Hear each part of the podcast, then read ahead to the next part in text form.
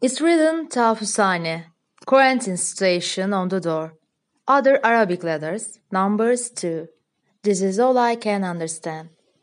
Hassan and Ali are seen again, making the crowd which looks at us with curiosity in their eyes stay a distance away. It isn't easy to describe the stand inside. There is the circular, high-ceiling lounge at the entrance. The moisture, mold, and paint mixed with the Turkish bed sand. Dresses in the closets are taken by the staff and disinfected in the autoclaves and returned to the travelers who took their bed.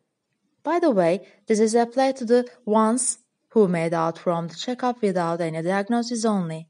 If there is any if there is any pandemic diagnosis they will wear white hospital apron, then move to the dorms.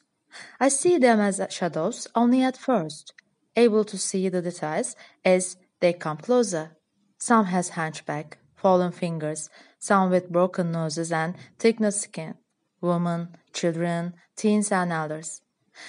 I'm a doctor.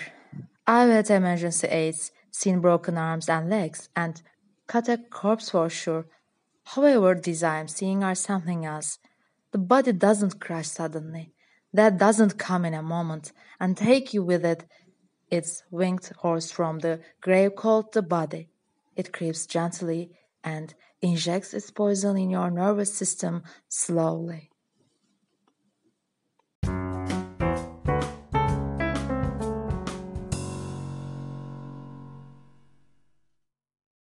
Merhaba. Bugünlerde hepimiz tarihi bir sürecin içinden geçiyoruz.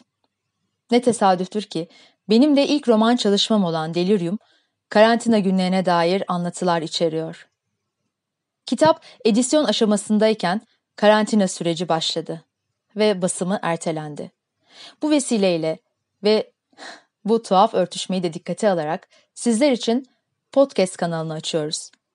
Bölümler halinde kendi sesimle kitabı sizlerle paylaşmaya niyet ediyorum. Delirium yazarken beni değiştirdi ve dönüştürdü.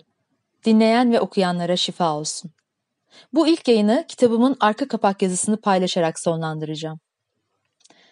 Delirium bir ölülerle konuşma kitabı. 1800'lerin sonlarında salgın hastalık teşhisiyle Urla karantina adasında alıkonulan bazı insanlar öldükleri halde adada tutsak kalırlar. Suçluk duyguları ve kefaret ödeme arzuları bu ruhları adaya tutsak ederken onları ölümle yaşam arasında bırakır. Zaman kayması yaşayarak kendini birdenbire 1800'lerde bulan Doktor Rüya Sezer adada sıkışıp kalmış bu insanlarla iki gün geçirir. O yıllarda Simirna'dan Makedonya'ya üzüm ve tütün taşıyan gemilerde reislik yapan Rafet'e aşık olur. Rüya Sezer günümüze geri döndüğünde kimseyi yaşadıklarına inandıramaz. Çok sayıda sınır krizi geçirir ve intihar girişimlerinin ardından Bakırköy Ruh ve Sinir Hastalıkları Hastanesi'ne kaldırılır. Kapatıldığı klinikte psikiyatristi Saffet Bey ve abisi Taylan'ın tavsiyeleriyle başına gelenleri yazmaya başlar. Delirium kayıplarımız hakkında. Akıl kaybı, sevdiğinin kaybı, uzuv kaybı, masumiyetin kaybı. Öte dünya var mı yok mu bunlarla ilgilenmiyor delirium. Bu dünyaya saçılmış parçalarımızı toplayıp gidebilmenin peşinde.